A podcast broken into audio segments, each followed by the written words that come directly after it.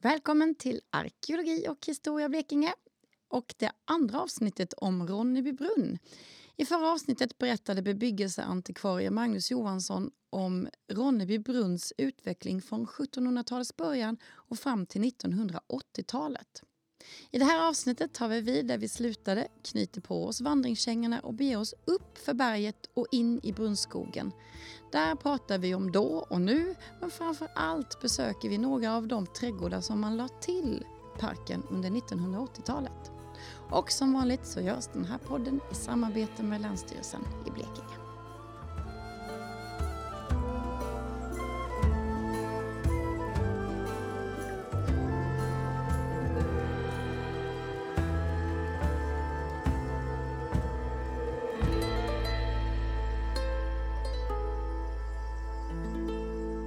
Vid mitten av 80-talet ryckte man tag i Brunnsparken och eh, skulle rusta upp den.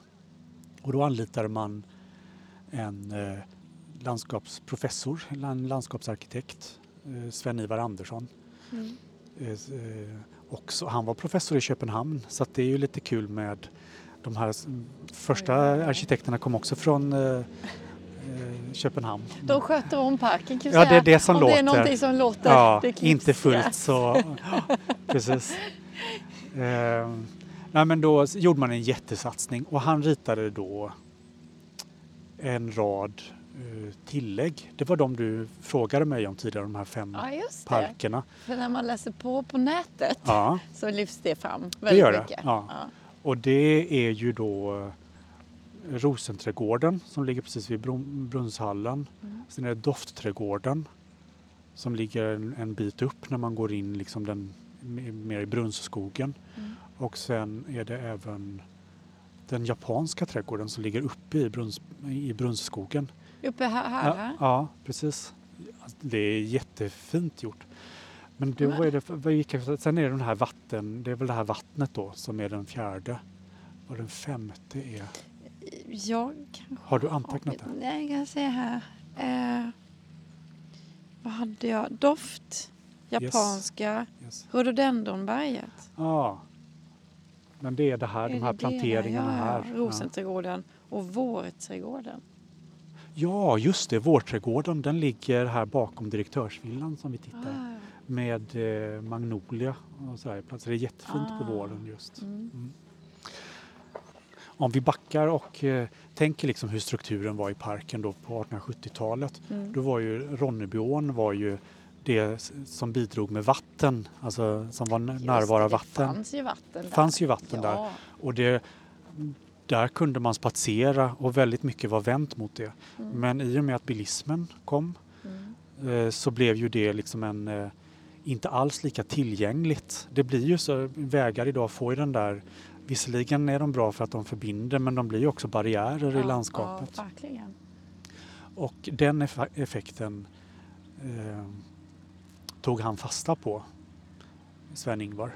Och eh, gjorde ett sånt här genidrag att då återföra vattnet i, till parken genom att Ah. anlägga det här dammsystemet nedanför eh, berg, bergsväggen. Och här hade man, när han gjorde det här, då var det här under en tid så hade man anlagt som en campingplats här. Så det var liksom, det, det här är, Campingplats. ja, så att man hade tält och, och så. Jaha. Och det var ju inte alls bra för det, är, det här området är naturligt sankt. Och det, det är fortfarande problem med det. Alltså går man ut, har det regnat mycket och då går ut här, då chippar det väldigt mycket i, Ja, eh, ja, ja.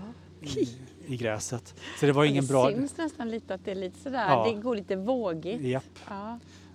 Eh, Så att man gjorde det här, dels så dränerar ju det här området att man grävde ut och Ja. sen så bidrar ju det med vatten då. Eh, Och, Vilket är väldigt vackert och rogivande. ja, Mm. men eh, och det har ju gjort liksom att de för det här upplevs ju nu som ett utav huvudnumren. Den här gången som går bredvid längs med vattnet, det är ju ett utav huvudnumren i parken. Och liksom en, den självklara promenadstråket. Eh, men så var det ju inte. Det, var liksom slut, det blev ju bara mer och mer vilt och sen slutade den här bergväggen. Ja, just. ja, precis. Men ändå ganska maffig eh, Idag är den ju det, men det var ju mer liksom intäkt av skog Intäkt av då. skog. Ja, Mm. ja, ja. Så man använder inte det som ett eh, eh, motiv lika tydligt som nu.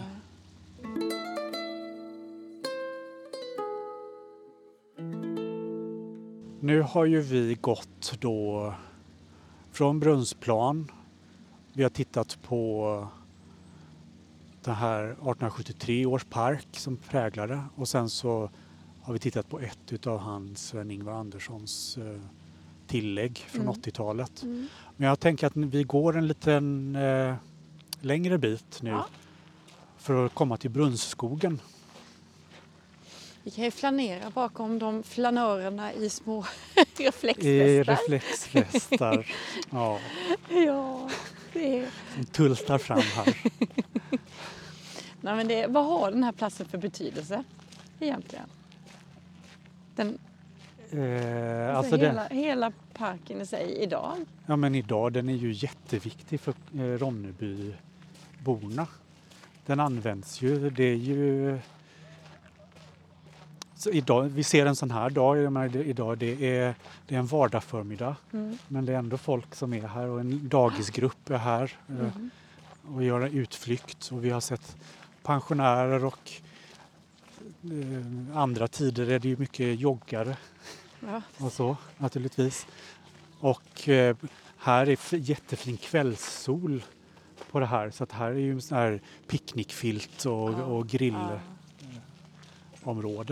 Nej men det är ju det är ju verkligen Ronnebybornas eh, park.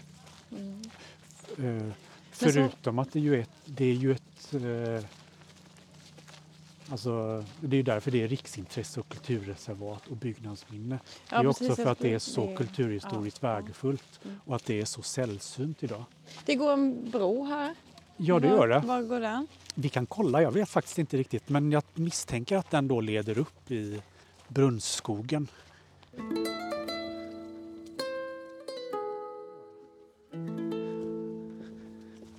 Ja, jag vet inte riktigt vad det här var för stig vi hamnade på.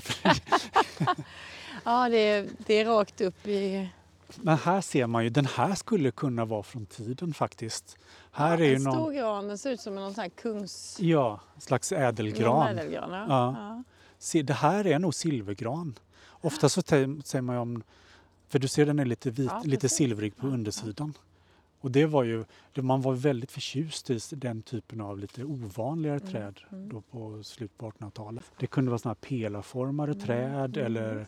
Mm, röd, som hade rött bladverk. Det Mm. här visste inte jag att den var här. Vad kul! Ja, vi... Det var du som Och ledde så var mig det hit. rhododendron här också. Ja, just Ja. det.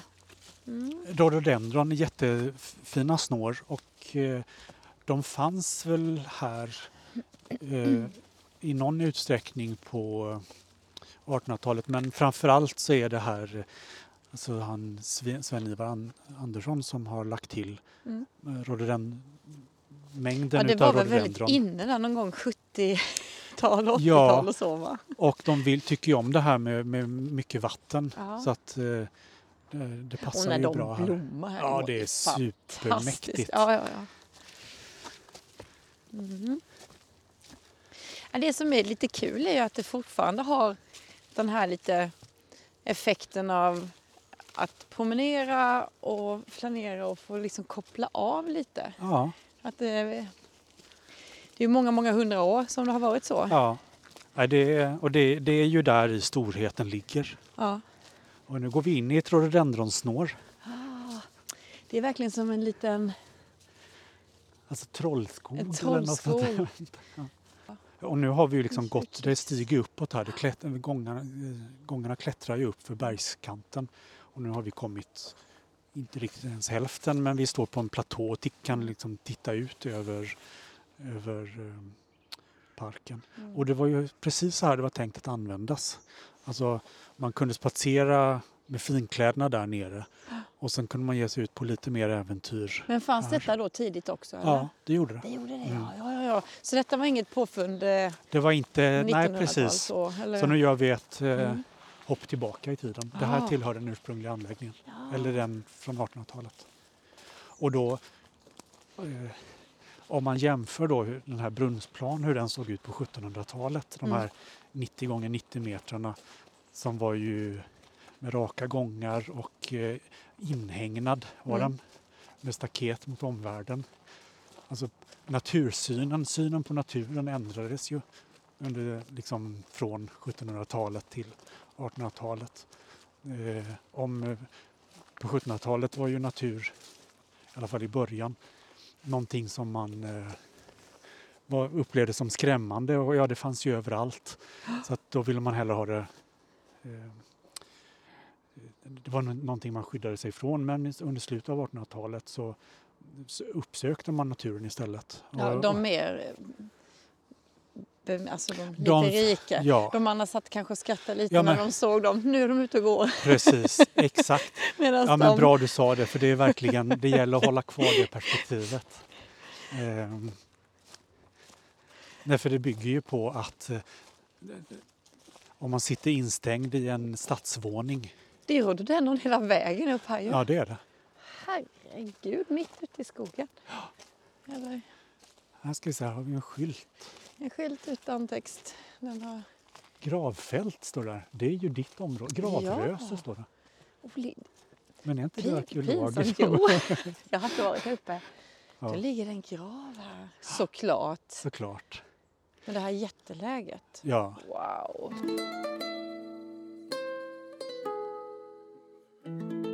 Ja, men här, då, då gick det här gångsystemet här och sen så anlade man eh, det fanns som ett café här, Café mm, Skogshyddan eller någonting sånt där. Mm. Så att man, det blev ju liksom som gjort för att ja, då kanske man hade druckit vattnet på morgonen och sen så eh, skulle man ge sig ut på en utflykt den dagen. Eh, Så, som vi gör på våra semestrar eh, idag med. Ja, precis. Upp på toppstugan. Ja, det är så. Och lite samma sak här, för då ska du ha ett, ett mål liksom. Ja. Ja, men vi går upp och sen så tar vi en fika. Och sen, Fast, mm. och sen gick man ner igen. Vad mysigt. Ja. När brunnsgästerna kom, det är ju ett stort område det här, då fick de en karta i handen med liksom alla gångsystem, med gångsystemet utmärkt. Pistkartan då ja. Precis. ja. Och sen fanns det, vi kanske går förbi någon sån framöver, men då hade man eh, för att kunna orientera sig, var det, på kartan så var det nummer, liksom att säga att det var en, eh, en vägkorsning då. Ja. Och så var det, den hade nummer sex. Och då fanns det ute i naturen så fanns det då en sten. Så då hade man målat nummer sex på den. Ja, ja, ja, ja. Kontrollerad frihet. Precis. Högst kontrollerat. Oj, vad är det? Vad är det?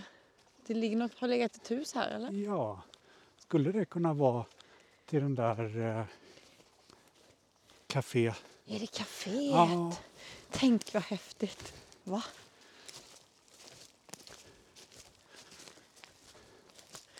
Oj, oj, oj, vilket läge. I sådana fall.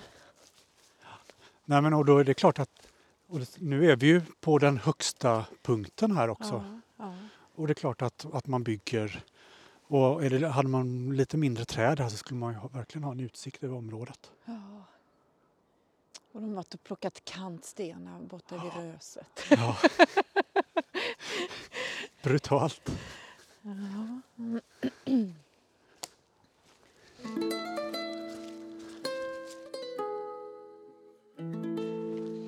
Men vad underbart. En bokskog. Mm. Vi kommer att komma fram till eh, en liten sjö som ligger här uppe som Jaha. heter Trollsjön. Eh, och den, liksom, den, den är naturlig, den, så den är inte anlagd. Utan den har funnits där hela tiden men eh, man, promenadslingan då går förbi den. Även tidigare, tidigare. Ja. Mm. Eh, Trollsjön hette den inte från början. Jag kommer inte riktigt vad den hette, men den hette något så här hm. Alltså inte alls lika Nej. sådär eh, suggestivt som Trollsjön. Utan det var en, döpte man den till.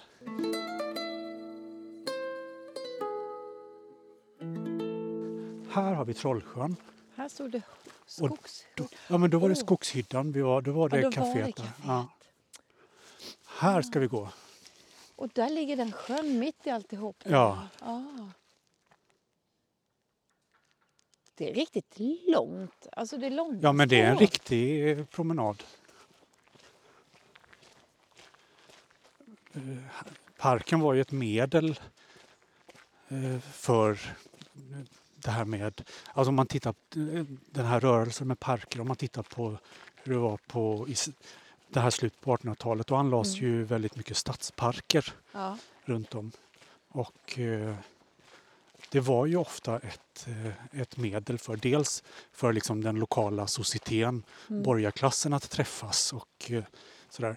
Men ett av argumenten var också att eh, det- skulle främja utevistelse och så. Och vid den här tiden får man ju tänka, det är ju en, vi kan tycka att det var förr i tiden och att det var gammaldags men det var ju verkligen en tid av omvälvning Ja, eh, 1870-talet. Eh, när eh, industrialismen började, man lämnade landsbygden, flyttade in till städerna. Nu har vi kommit till den japanska trädgården Nu är det en japansk trädgård. som han har på ett väldigt naturligt sätt har fogat in i den här blekingska naturen.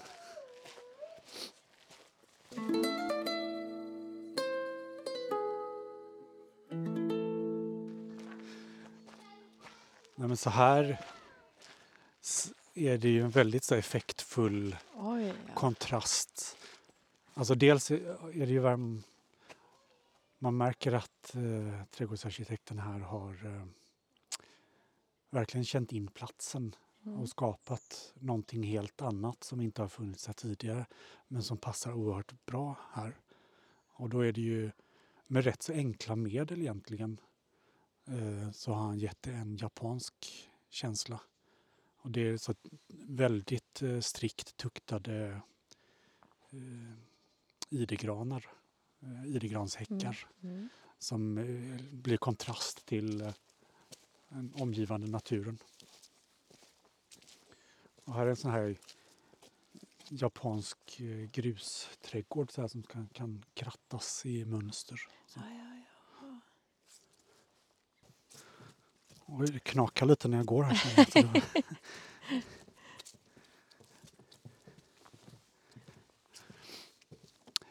Och det är ju även de här trädgårdarna som är anlagda av han Sven-Ingvar. Mm. De är ju också skyddade och ska bevaras. Fast det är ju trädgårdar, det är ju skillnad ett hus. Det, det, det kan man ju mer återskapa, eller liksom Mm. sköta och, och hålla i ett skick. Medan en trädgård, där växer ju hela tiden och förändras. Och kanske vissa plantor som var tänkta från början inte funkar på platsen. Och då måste man byta ut det. Så ehm, eh, det är ju en utmaning att eh, sköta det. Men i skyddsbestämmelsen står det att det ska, att det ska skötas och, eh, i Sven-Ingvar Anderssons anda. Så det behöver inte vara exakt men det ska, det ska ändå ja, bevara andemeningen i det. Mm. Ja, så går du vidare så. Vi kan gå tillbaka till den här eh, huvudgången här och sen så kommer vi att gå förbi doftträdgården på vägen tillbaka.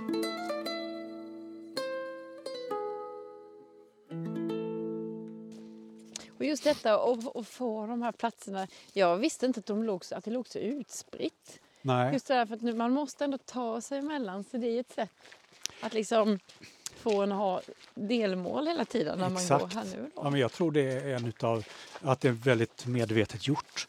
För precis, och det är också ett sätt att eh, hålla kvar eh, alltså, f- bruket av parken. För om, när det anlades då, då hade man ett café vid Skogshyddan. Idag Ja. kanske du inte kan ha ett eh, café för du ska, ha, du ska ha vatten och avlopp och du ska ha, det ska vara tillgängligt och det ska vara Ja, allt det där. Eh, så då lägger man inte ett café uppe på en bergstopp. Men man kan ha en trädgård som blir utflyktsmål. Mm. Så det är en utmaning i skötseln att, att det hela tiden ska behålla den här... Alltså, locka, locka ut till promenad.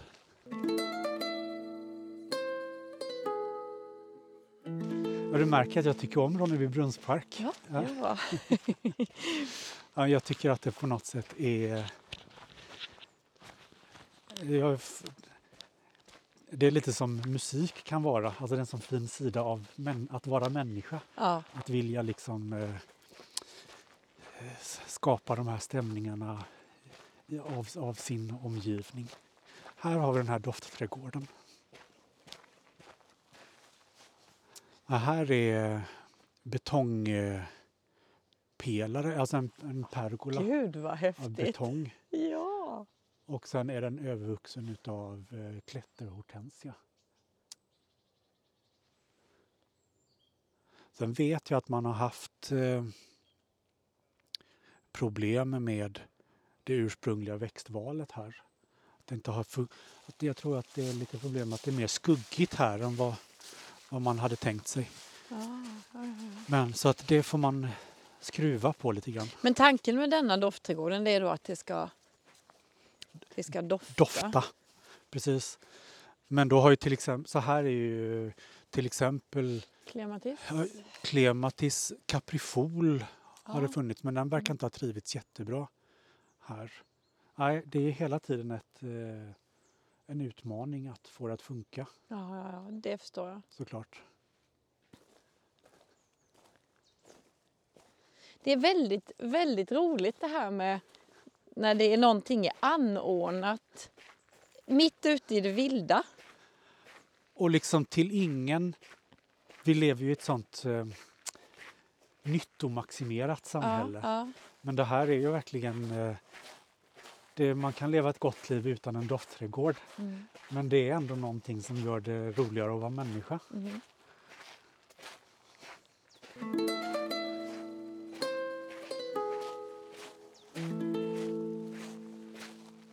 Ja, men här har vi lite kaprifol som till och med blommar. Oh, ja.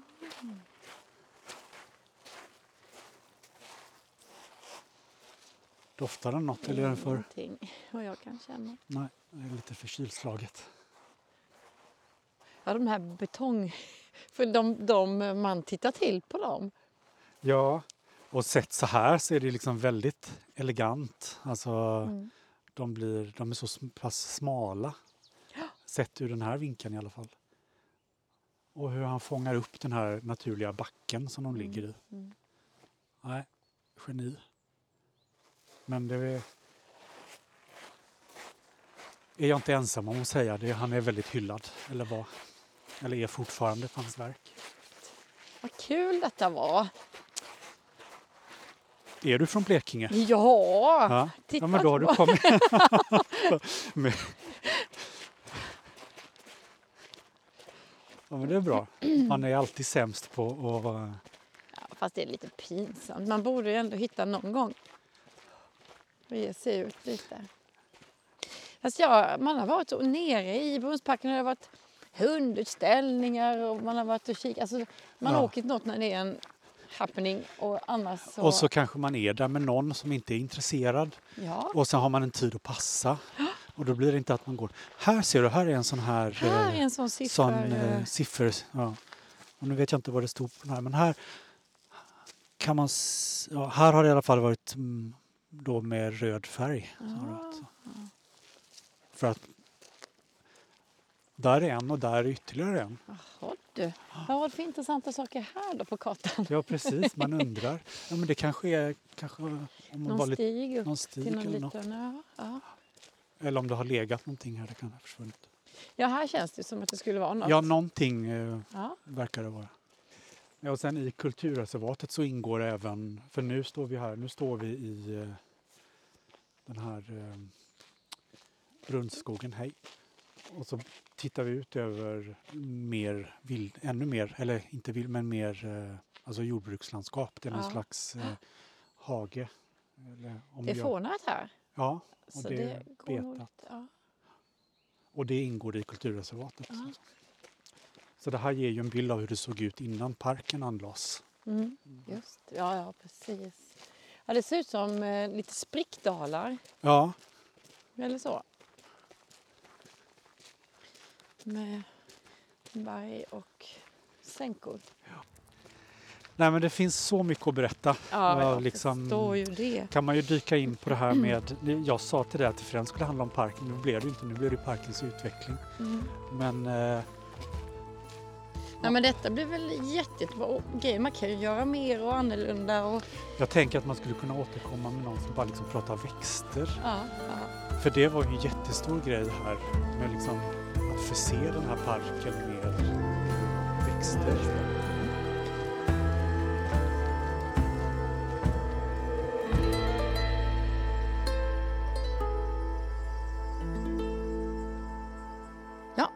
Andra och sista avsnittet om Ronneby brunn. Och som ni hörde, det finns mycket annat vi skulle kunna prata om. Vi får helt enkelt se vad framtiden ger.